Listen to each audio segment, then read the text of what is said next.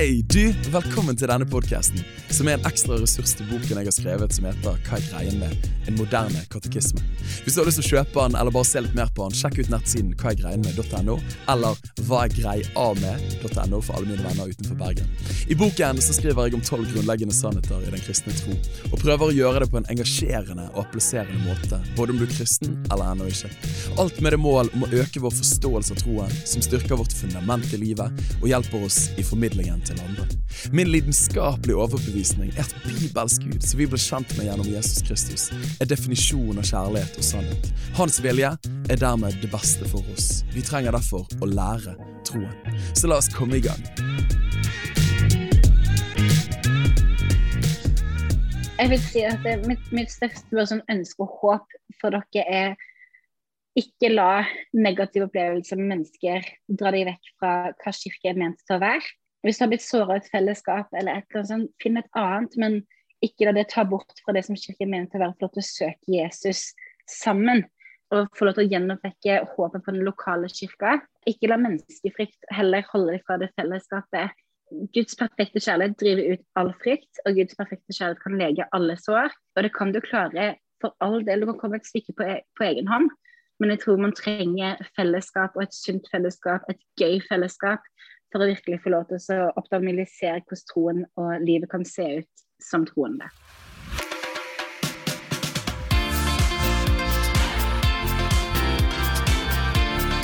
Preach-podkasten med Daniel Sæbjørnsen. Takk for at du lytter inn, stedet der vi ønsker å finne svaret er å sette fri og ikke sette fast.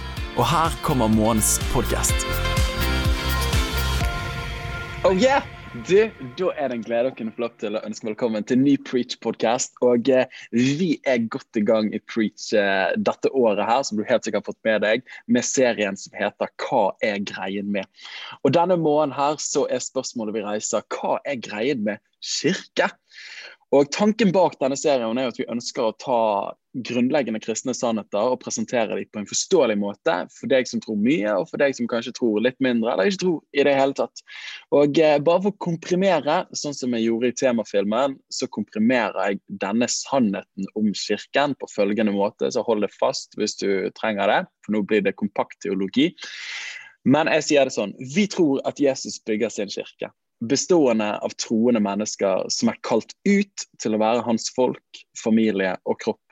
Kirkens kjerne, kjennetegn og kall er å være kalt ut til å kjenne Gud og sendt inn for å gjøre ham kjent.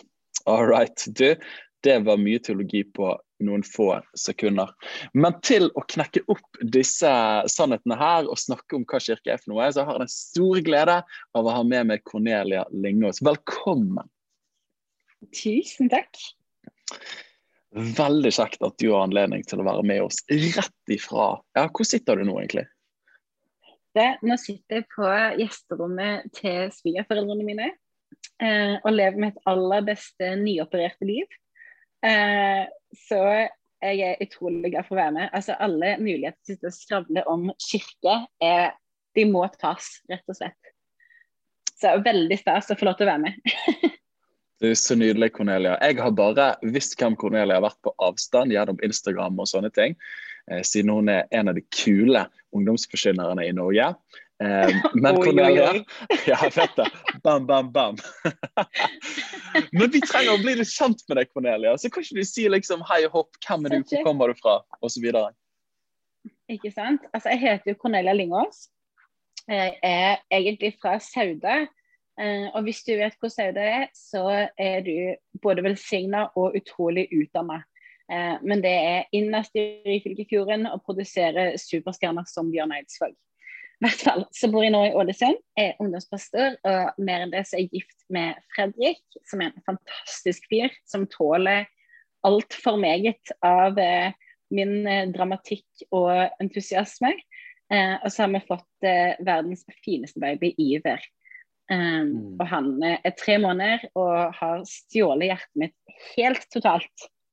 Mm. Så uh, nå er jeg en sånn mammaperm, og det er veldig spennende limbo for ei som har vært uh, og bare peisa, peisa, peisa kirke i så mange år, og plutselig være i mammaperm og skulle mm. skifte bleier og leve med gulp på skjorta og sitte bakerst i kirka. Og, eh, ja, løpe ut så fort eh, han begynner å grine. For man vil ikke være den personen som har en skrikende baby eh, inne i salen.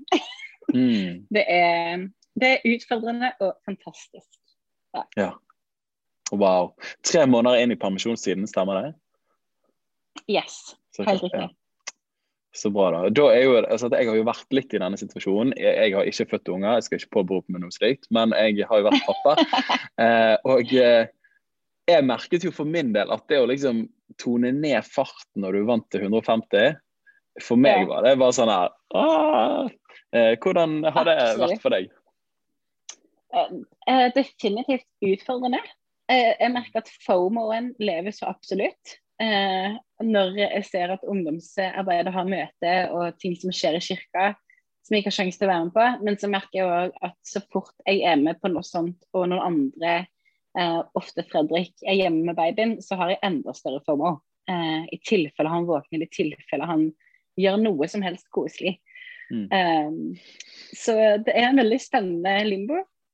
Og så er det veldig kjekt å få lov til å ta et steg tilbake og se ting litt utenfra. Og det tenker jeg er kjempesunt når man har stått med nesa oppi alt så lenge.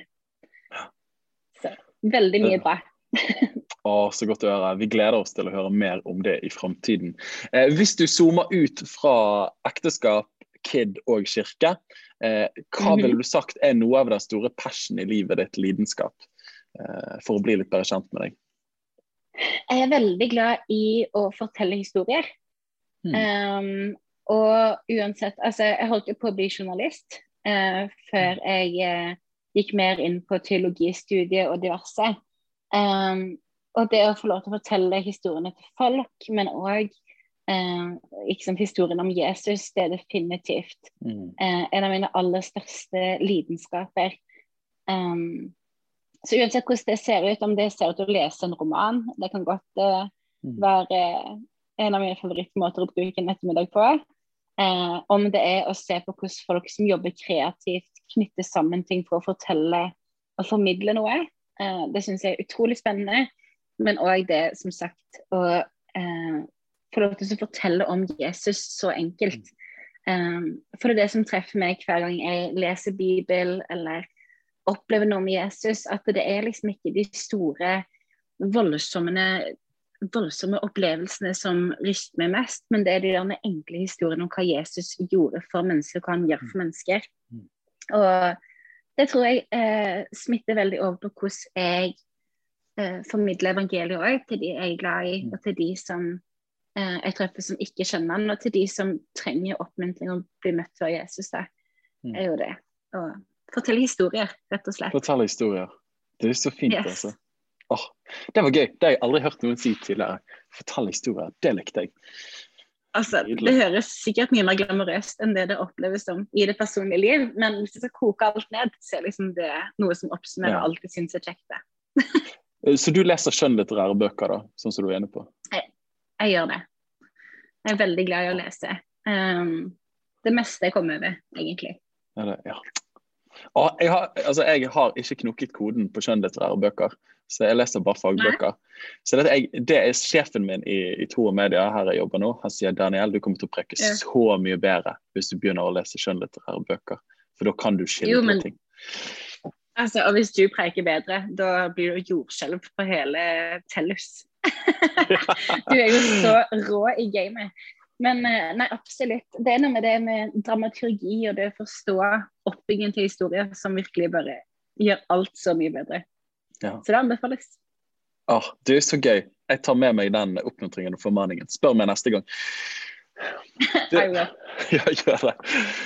Du, vi skal snakke om, om, kirke. og jeg bare tenker Vi må hoppe bare yes. rett på her. For vi begge to er jo veldig glad i kirken. Vi har tro på kirken. Men for å gå rett på, yeah. har du vokst opp i kirke? Og, og hva har vært liksom, din erfaring med kirke? Ikke sant. Uh, jeg var typisk i kirka hver søndag fram til jeg var sånn fire år. Og så valgte uh, foreldrene mine å gå ut av uh, vår lokale kirke som resulterte i at jeg ikke var så mye i kirka eh, i min barndom. Men eh, vokste opp i et absolutt hjem som elsker Jesus, og eh, det var en så stor del av hverdagen. Eh, og så begynte jeg liksom i kirka litt igjen når jeg gikk i sjette klasse og kom inn i barnekor og gikk i Speideren og Royal Rangers og alt som er. Barnekor! Come on! det er fantastisk. Eh, og så begynte jeg ungdomsarbeidet da um, i syvende klasse. Traska inn på det de kalte Jesusgruppe, som det var én Connect-gruppe for hele ungdomsarbeidet i Seidø. Og jeg elska det. Fikk ikke nok. Jeg var tilbake hver fredag, kom hver søndag. Eh, og det tok liksom to uker før jeg gikk til min ungdomspastor og sa at eh, jeg har lyst til å bli ungdomspastor, jeg òg. Jeg vil ha jobben din. Som en tolvåring i Crocs og OnePiece. Altså, for et bilde. Men uh, han kunne jo ledd, han kunne gjort mye. Men istedenfor så ga han meg uh, en helt overkommelig disippel. Husker jeg den der med dag-til-dag-andagsboka. Uh, og så sa han har du lyst til å preike, skal vi Eh, dykke ned i dette her. Det er jo kjempespennende. Men så heide han meg virkelig, virkelig fram i det ønsket og det opplevelsen og det kallet det. Um, så kirke for meg er en sånn uunnværlig del av det å være kristen. Eh, og det har det forblitt, og det er det enda. Um, virkelig bare noe av det vakreste med å få lov til å tilhøre Jesus, er å få være en del av hans kirke. Mm. Ja. Så kort fortalt. det er så deilig å høre. Altså, det Man skal ha stor respekt for at mange mennesker har ulike erfaringer med det som kalles kirke. Men eh, mm. jeg syns ofte nå for tiden at uh, i hvert fall blar man litt sånn kristen presse, og nå skal ikke vi snakke så mye om det, så er det ofte liksom sånn kjipe mm. sider som kommer fram. Yeah. Men, men jevnt over, når jeg har gleden av å reise, og sånn som når jeg får lov til å høre deg det, nå så er det bare sånn at kirke er en god ting, og det har betydd veldig mye godt. Og så Altså, åh, dette var godt å høre, altså. Men hvis du, hvis du tør å lytte inn her, og så tenker du OK, Daniel, når jeg tenker på kirke, så melder assosiasjonene seg i fleng fra liksom et hus med spir, eller et bedehus, eller et lagerlokale, som så mange av oss har vokst opp i, som ble kalt kirke. Eh, eller kirkeklokker, mm. eller mann med kjole osv. Eh, hvis du liksom skulle kokt det ned, hva er kirke? Men det, det, er jo mann med kjole. Du satte jo spikeren på hodet der. altså, eh, jeg tror det er viktig å si eh, i en sånn samtale at man kommer aldri til å finne en perfekt kirke. En kirke er perfekt helt til et menneske setter foten sin eh, i den, og da med uperfekte folk. Og det kan dessverre resultere i mye sår. Eh, men òg i mye skjønnhet av å se hvem Jesus faktisk er. Altså, Hva en kirke er, det er jo eh, Hvis man skal trekke det helt tilbake, og gresk og diverse, så er det jo kaleo, eh, altså eklesia da, på gresk, som er kaleo og kalle, um, og eks, altså eklesia, så de utkalte. Uh, men ordet kirke som generelt uh, kommer fra kuriakon, som betyr dedikert til Herren, og ofte blir brukt om bygg. Uh, så hvis vi skal se på sånn historisk hvorfor vi kaller det kirke, så betyr det samling av troende. Og det er veldig en god oppsummering, egentlig. At kirke er de troende som kommer sammen på jorda. Og så tror jeg det kan absolutt være samlinger som, av troende på kloden som ikke nødvendigvis er kirke, men en kirke skal alltid være en samling av troende samtidig. Wow. Hvis det ga mening. ja, men det gjorde det. Det var gøy at du tok oss wow. tilbake til eh, liksom, grunnteksten for hva kirke er for noe. Ja, for jeg blir litt sånn opphengt men hvorfor kaller man det det, og hva er egentlig grunnmeninga? Fordi en kirke kan absolutt Mange opplever det som et bygg, og et bygg kan være en kirke. Men kirke er jo primært det fellesskapet, den samlingen av de som elsker Jesus, um, og de som er nysgjerrige på ham. Så nei, jeg syns det er fantastisk, altså. Um, og det å tenke at kirke er ikke et snevert begrep. Kirke kan ikke oppsummeres i en gudstjeneste eller i et visst antall mennesker, men heller tenker at eh, det er en samling av de som tror. Og ja. da plutselig så blir kirke så mye videre. Og det syns jeg er veldig spennende å tenke på. Ja, men jeg er helt enig. Det, for jeg, jeg er helt enig at jeg tror ofte så kan man definere kirke litt for smalt.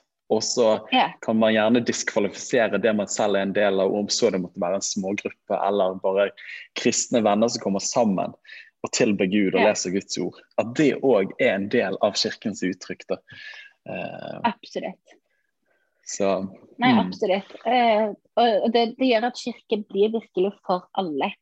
Fordi det er ikke definert av at det må være en um, et visst format på det, eller uh, en viss aldersgruppe, eller en viss tematikk. Altså Kirke er virkelig for alle. Det er rett og slett en samling av de som tror. Um, og når man greier å se så bredt på det, så klarer man òg å tro at det finnes en plass for seg sjøl i kirke. Mm. Når man sier f.eks. For, for å slenge inn eh, den apostoliske trosbekjennelsen, eh, men der sier man mm. jeg tror på Den hellige ånd, eh, de hellige samfunn, syndenes forlatelse ja, osv. Men der blir liksom eh, de hellige samfunn er definisjonen òg av kirken. Liksom, sant? Det er de som er kallet ut, de som tror på Kristus, de som, som kjenner han. Eh, men hvis man da ikke tror, eller ikke på en måte har definert forhold til tro, er i bevegelse, eh, finnes det plass til de i kirken? Eh, hva tenker du rundt det? Absolutt. Ja. Absolutt. Eh, jeg tenker jo at det Tegnet på en sunn kirke er at det, det òg kommer mennesker som ikke enda kaller seg kristne, eller har opplevd evangeliet. Um, og det å uh, klare å være inkluderende og skape nysgjerrighet og lengsel etter Jesus. Jeg tror for min del, det pleier jeg alltid å si, at eh, en sunn kirke, en kirke hvor som snakker til mandagen. ikke sant? Mm. At ikke folk bare kommer på en søndagsgudstjeneste og føler seg mette for uka, men hvor det vekker en lengsel etter å bli kjent med Jesus. Ja. Um, og bruke tid med ham. Og uansett om det er for folk som er veldig etablerte i troen, eller folk som ikke enda føler de har skjønt greia med hvem Jesus er, så tenker jeg at det er absolutt et av målene når man kommer sammen som menigheter, mm. Som kirke. Mm. Og kirke, det er jo det som er noe av det vakreste, er at det er jo det er en uperfekt samling folk. Ja. Um, det er sånn som jeg pleier å si i ungdomsarbeidet, at det er samme hva man opplever at man sliter med, hva, eh, hva som plager en i hverdagen, om man sliter med angst, om det er synd, om det er andre ting som virkelig får prege en, eller om man føler man har livet på stell, så er kirke bare et sted hvor man får lov til å komme sammen som en haug med nerder som prøver å finne ut av livet sammen. Mm. Eh, og finne ut av hvordan livet skal se ut, og kan få lov til å se ut når vi har Jesus på laget. Mm. Så absolutt, kirka er jo ikke Kirka er for oss som er uperfekte. Mm. Um, og hvis du, hvis du, kaller deg perfekt, så ringer du i hvert fall kirka, for da kan jeg garantere at du ikke er det. mm. så, men kirka er virkelig for alle. Det er så utrolig bra, altså. Det, åh, jeg syns det er vakkert. Man, man, har jo pleid å si i en del kristne sammenhenger i det siste at liksom, eh, tidligere så har man tenkt på kirke som eh, believe, eh, behave, belong, eller noe sånt. Nå kan det være man ja, sier litt ulikt. Men at eh, man kan få lov til å belong before you believe and behave. Da. Ja, eh, kjempebra. Ja. Så nei, jeg syns det er vakkert. Det er jo Jesus som er forbildet vårt. Og nå sitter jeg på et bedehus her, og jeg måtte flytte meg for det kom noen folk. Noen eldre damer som har bibelstund. Så det er jo fantastisk. Et uttrykk av kirke. Uh, så, så, nå har jeg Jesus hengende på veggen bak meg med to sauer. Men, uh, men Jesus, det, det, var en utrolig dårlig overgang. Men poenget er at Jesus tok imot mennesker uh, uansett hvor på livsreisen de var. Det var en utrolig søkt overgang. Men, men det er fantastisk. Utrolig. Jeg gjorde det så bra. Takk, eh, takk Cornelia, for det du deler om kirke her. Altså. Eh, jeg synes også det aspektet du tar fram der at eh, det er jo litt sånn kristen joke, men liksom, den perfekte kirke finnes ikke. Eh, og hvis ja, den finnes, så vær så snill å ikke begynne å gå der, for da ødelegger du for resten av oss andre. Eh, ja, ikke sant. Ja, så det er så bra, altså. Ja, men for det, er jo noe med det at jeg tror det er lett å um, det er lett å tenke liksom at eh, Jeg tror det er en veldig gående fordom kanskje mot kristne som sier at de tror de er bedre enn alle andre. Mm. Eh, og jeg har opplevd når jeg møter mennesker som ikke tror, så er det en av grunnene som holder de unna kirka, er at eh, om det, kristne tror de har skjønt alt, at de er bedre enn andre. Og jeg tenker nesten det motsatte.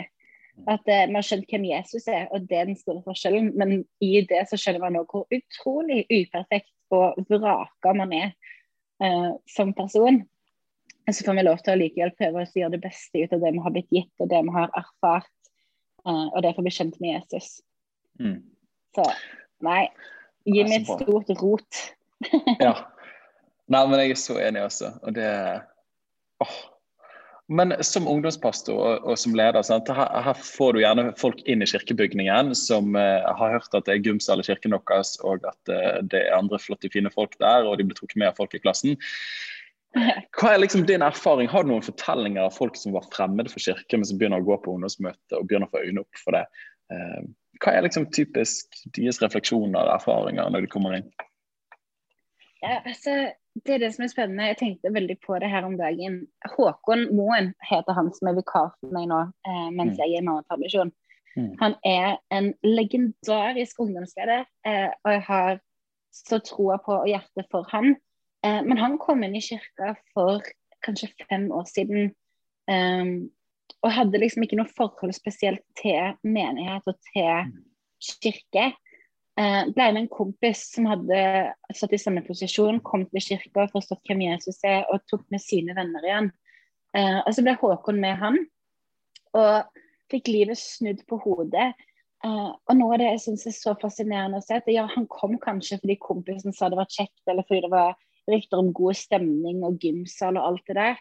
Men når han fikk møte Jesus, så fikk han jo hele livet snudd på hodet. Um, og han er en av de som jeg tror jeg ser som er mest sultne på å få lov til å lære mer om hvem Jesus er. Han er alltid gira på å få lov til å lese Bibelen og åpenbare den. Uh, og, og, og, ikke minst å invitere med seg andre til kirka.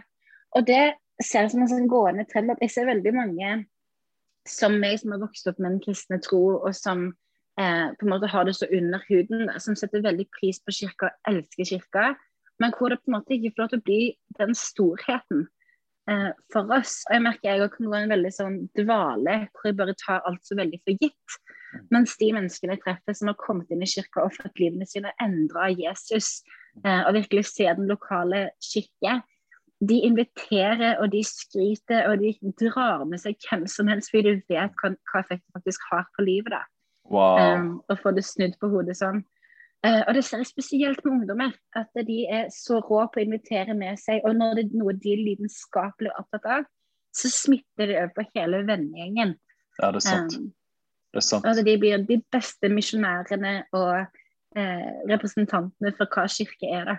Ja. Så Det er jo så utrolig spennende. Så jeg sier Samme det om du kommer fra gymsalen, om du kommer fordi at han du crusher på, er på møte.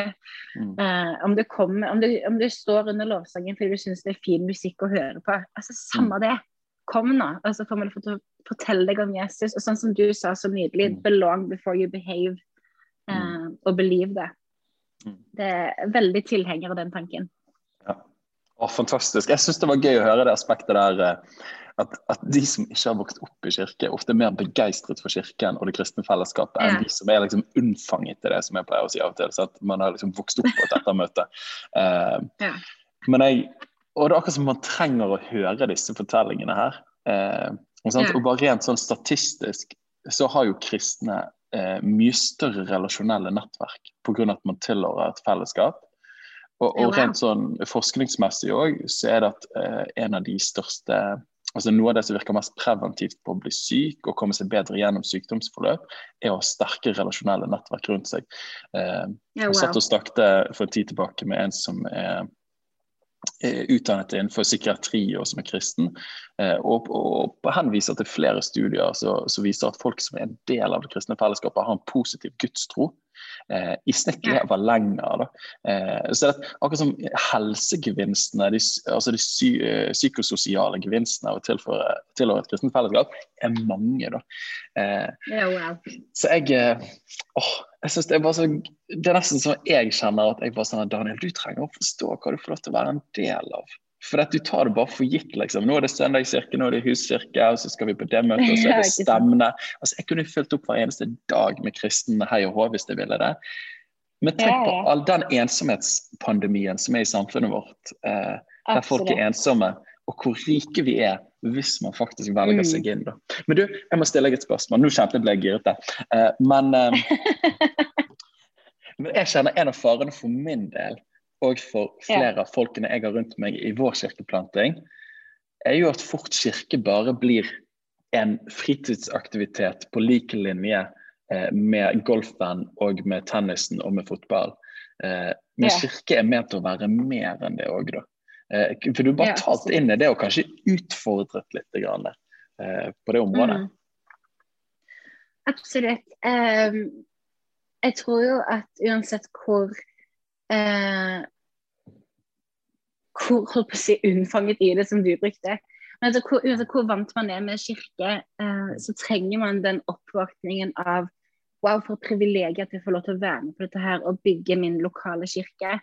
Um, og det er todelt, fordi at samtidig som man skal ha troen på den lokale kirken, så må det aldri ta bort fra troen på Jesus. Um, og at det er relasjonen man bygger først og fremst. Og det man ofte ser, eller som jeg, og jeg får oppleve at jeg ser mye, er at mennesker sier at de ikke er kristne mer. Og så spør jeg hva skjedde, og så er det at de ble såra av sin lokale kirke på et tidspunkt. Og Jeg skal ikke late som at jeg skjønner den smerten, eller hvor utrolig sårende det må være, men jeg tror det ligger noe i at eh, Sånn som du sier, at det så fort blir aktiviteten eller eh, fellesskapet man jager etter å idolisere, istedenfor at man får virkelig eh, bruke det heller som et verktøy, som et springbrett for å bli enda bedre kjent med Jesus og knytte den relasjonen sterkere. Eh, for vi vil jo at relasjonen til Gud skal være så urokkelig at uansett hva mennesker gjør mot oss, uansett hva vi møter i livet, så skal den troen få lov til å være så sterk og grunnfesta, ikke i hva, hva vi opplever, hva vaner vi har tilegnet oss med andre, men bare pga. hvem Gud er og hva han har gjort i våre liv. Mm. Eh, igjen med og den historiefortellinga av hvem er Jesus for meg, hva har egentlig skjedd her. Mm. Um, og jeg tror når man begynner å søke og bygge sin lokale kirke med det som mål, ikke bare at man skal um, uh, sjøl få lov til å oppleve mer om Gud og uh, ha det kjekt å få disse her relasjonene, men òg få lov til å gi og oppleve en enda større relasjon til Jesus. Uh, så blir perspektivet større. Det blir nesten sånn ikke ærefrykt, men en sånn storhet over det. At tenk at jeg får lov til å være med på det. Mm. Um, og tenk at misjonsmarka uh, slutter liksom ikke ute i Afrika eller på skolen, men på kirketorget. Altså, ikke sant? På Mm. vei inn på gudstjeneste og få lov til å fortelle der hvem Jesus er, og hva han har gjort. Uh, og hva han gjør i menneskers liv enda i dag. Det er jo hele poenget. Um, og hvis ikke Jesus får lov til å være i sentrum, hvis ikke vi tør å være tydelige i hvorfor vi lovsynger, i hvorfor vi velger å forkynne Jesus, hvorfor vi gir kollekt, um, og hvorfor vi bygger de gode, sunne fellesskapet uh, og relasjonene, så da da kan det jo være hva som helst annet. Altså, da kan man jo like greit stikke på fotballtrening, eller stikke Mm. på tennisbanen. Eller Ja, gjøre noe totalt uaktivt. Mm. Men det, men det er jo det å få lov til å tilhøre Jesus som er det hele poenget. Ja. Um, Yes. Som da gjør at når vi følger Jesus, så altså, så lenge Jesus er i sentrum, det, da er det per deff en kirke. Men da blir det et Ja. annet fellesskap enn alle andre fritidsaktiviteter. Og, og kanskje noe av min sorg av og til er at vi på en måte degraderer det kristne fellesskapet til å være en fritidsaktivitet som jeg går på hvis jeg føler for det. Mens det bibelske fors- forståelsen av kirke er familie. Og der er du om du er på en god eller en dårlig dag osv. Veldig sant. Og jeg tror, eh, hvis jeg kan bare si noe på det um, med, så, Hvis man ser på Gamle testamentet, når profetene kom, eh, så snakka de gjerne til settinger de ikke sto på noen måte i samfunnet ennå. Ikke sant? Profetene kom og fortalte om noe som lå foran og profeterte. Um, selv om ikke det snakka til deres situasjon der og da, så skrev jo folk det ned og tok det på alvor når de kom for Gud. Uh, og i våre dager, altså vi har folk som kaller seg profeter og diverse, men jeg tror det er noe med kirka og den um, Og jeg blander alltid disse ordene her. Konsekvente eller konsistente, skal vi se. Mm. Ingen av de ordene, tror jeg egentlig. Men det er også hele tiden søke kirka. Ja. Og velge å gjøre det på tross av på en måte hvordan, eh, hvordan dagene ser ut, eller om du egentlig har lyst til det, eller um, osv. Det er noe med at man driver og sår inn korn som står der når stormen kommer. Mm. Um, på samme måte som de som skrev ned profetiene som kom lenge før det var reelt. Uh, vi opplevde jo en veldig stor krise, jeg og mannen min, uh, i slutten av 2020. Vi mista et barn uh, som jeg akkurat hadde funnet ut om. Og det var en så utrolig stor krise. En krise som gjorde at jeg eh, det var så vanskelig å søke Gud. Altså, jeg hørte på lovsang, og jeg eh, hørte på taler og alt mulig, men jeg sleit som å finne ordene til å be. Og det som bar meg gjennom den krisa, det var ikke eh, at jeg åpna Bibelen og fant et bibelvers som var sånn fint og trøst. Og det var ikke um, liksom sånne enkle småting. Det som virkelig bar meg og troa meg gjennom det, det var at jeg hadde brukt søndag på søndag på søndag i kirka når jeg hadde det bra. At jeg hadde hørt så mye taler at jeg hadde hele tiden latt folk snakke inn i livet mitt om hvem Gud er. At han er en gud av gjenopprettelse, at han er en gud som er med oss i krisene. Mm. Um, og at jeg hadde gjort det til og med på de søndagene og fredagene hvor jeg ikke følte for å dra i kirka. Hvor jeg var sånn Å, det var noe annet som frista mer, eller det var sol i Ålesund. Mm. Eller hva som helst. Så de valgte å heller gå og bli fylt av Guds ord. Bli fylt av det fellesskapet og lovsangen og de løftene som Gud har. Um, mm. Og når jeg kom på andre siden av den krisen, så tror jeg enda mer skjønte viktigheten da, av å ha det som en tydelig og fast, urokkelig ting i livet. Mm. Og det er godt sagt, altså, Cornelia. Jeg tenker åh, åh, du, det der var bra sagt. Nå ble jeg kjent jeg ble giret der òg. Men, men, jeg tror ofte, det man ofte gjør når livet blir krevende, er at man velger seg bort fra det kristne fellesskapet. Uten å forstå at Men det er jo akkurat da vi trenger det kristne ja. fellesskapet. Absolutt. Absolutt. Så det du sier da, å ha en vane og en rytme av å gjøre det rette, sånn at rytmen bærer deg når du ikke vil det sjøl, på en måte. Eh, yes. Kjempebra. Ja, Karl Einar Bøhleringen, eh, ungdomspastor i Tønsberg, han sier jo det. At først er det du som må bære vanen, eh, men så er det vanene som bærer deg. Mm. At Først må du etablere den vanen uansett hvordan livet ser ut. Og så etter en stund så er det vanen. Den ligger så under huden der. At den bærer deg gjennom hverdagen. Um, og det tror jeg gjelder så mye kristen tro. Uh, men spesielt kanskje det å velge å gå i kirka uansett mm. hvordan man har det. Du, det er bra. Det er faktisk en åndelig disiplin, skal man uh, se på den kirkelige tradisjonen og lese på Nytestamentet. Det er en gudstjeneste, det å gå til mm. Guds hus og være sammen med de hellige. Uh, det trenger vi å ta tilbake. Så det at Hvis Premier League spiller på søndagen, og det er egentlig kirketid, så er det noe som er viktigere. Uh, jeg slår et slag for det. Jeg er pastor, så jeg kjenner det er en konto av frustrasjon som jeg kan trekke fra på det området der. Du preiker til mannen min, som elsker fantasy. ikke sant. Han har ligaen sin dårlig. Men uh, hvis han kommer seg i kirka, så klarer du det òg. Du som hører på. Amen. Hørte han uh, Keith Green, det var jo en av de hippie låsingslederne. Han hadde vel en sang som gikk sånn uh, Jesus raised from the dead, and you can't even get up from bed. Uh, så det var liksom kaboom! Uh, OK. Du, uh, vi må snart kunne få en landing her. Dette her var jo ytterst hyggelig, Cornelia. Men hvis du lytter inn her, og, og man tenker liksom OK, kirke, det høres spennende ut, jeg er i tenårene, jeg er ung, jeg har lyst til å koble min kirke, eller man kanskje er voksen i 40-50-60-årene og sier man har lyst til å mhm. koble min kirke, hvordan kan man gjøre det på best mulig måte? Og går det an å si noe om hva som er en god kirke, og hva som er en dårlig kirke? Absolutt. Um, or, nå sendte du meg rett inn i et minefelt. Jeg vet det. snakker hva som er god og dårlig kirke. Nei da. Uh, jeg tror at uh, uh, For det første, finne ut hva er viktig for deg i et fellesskap.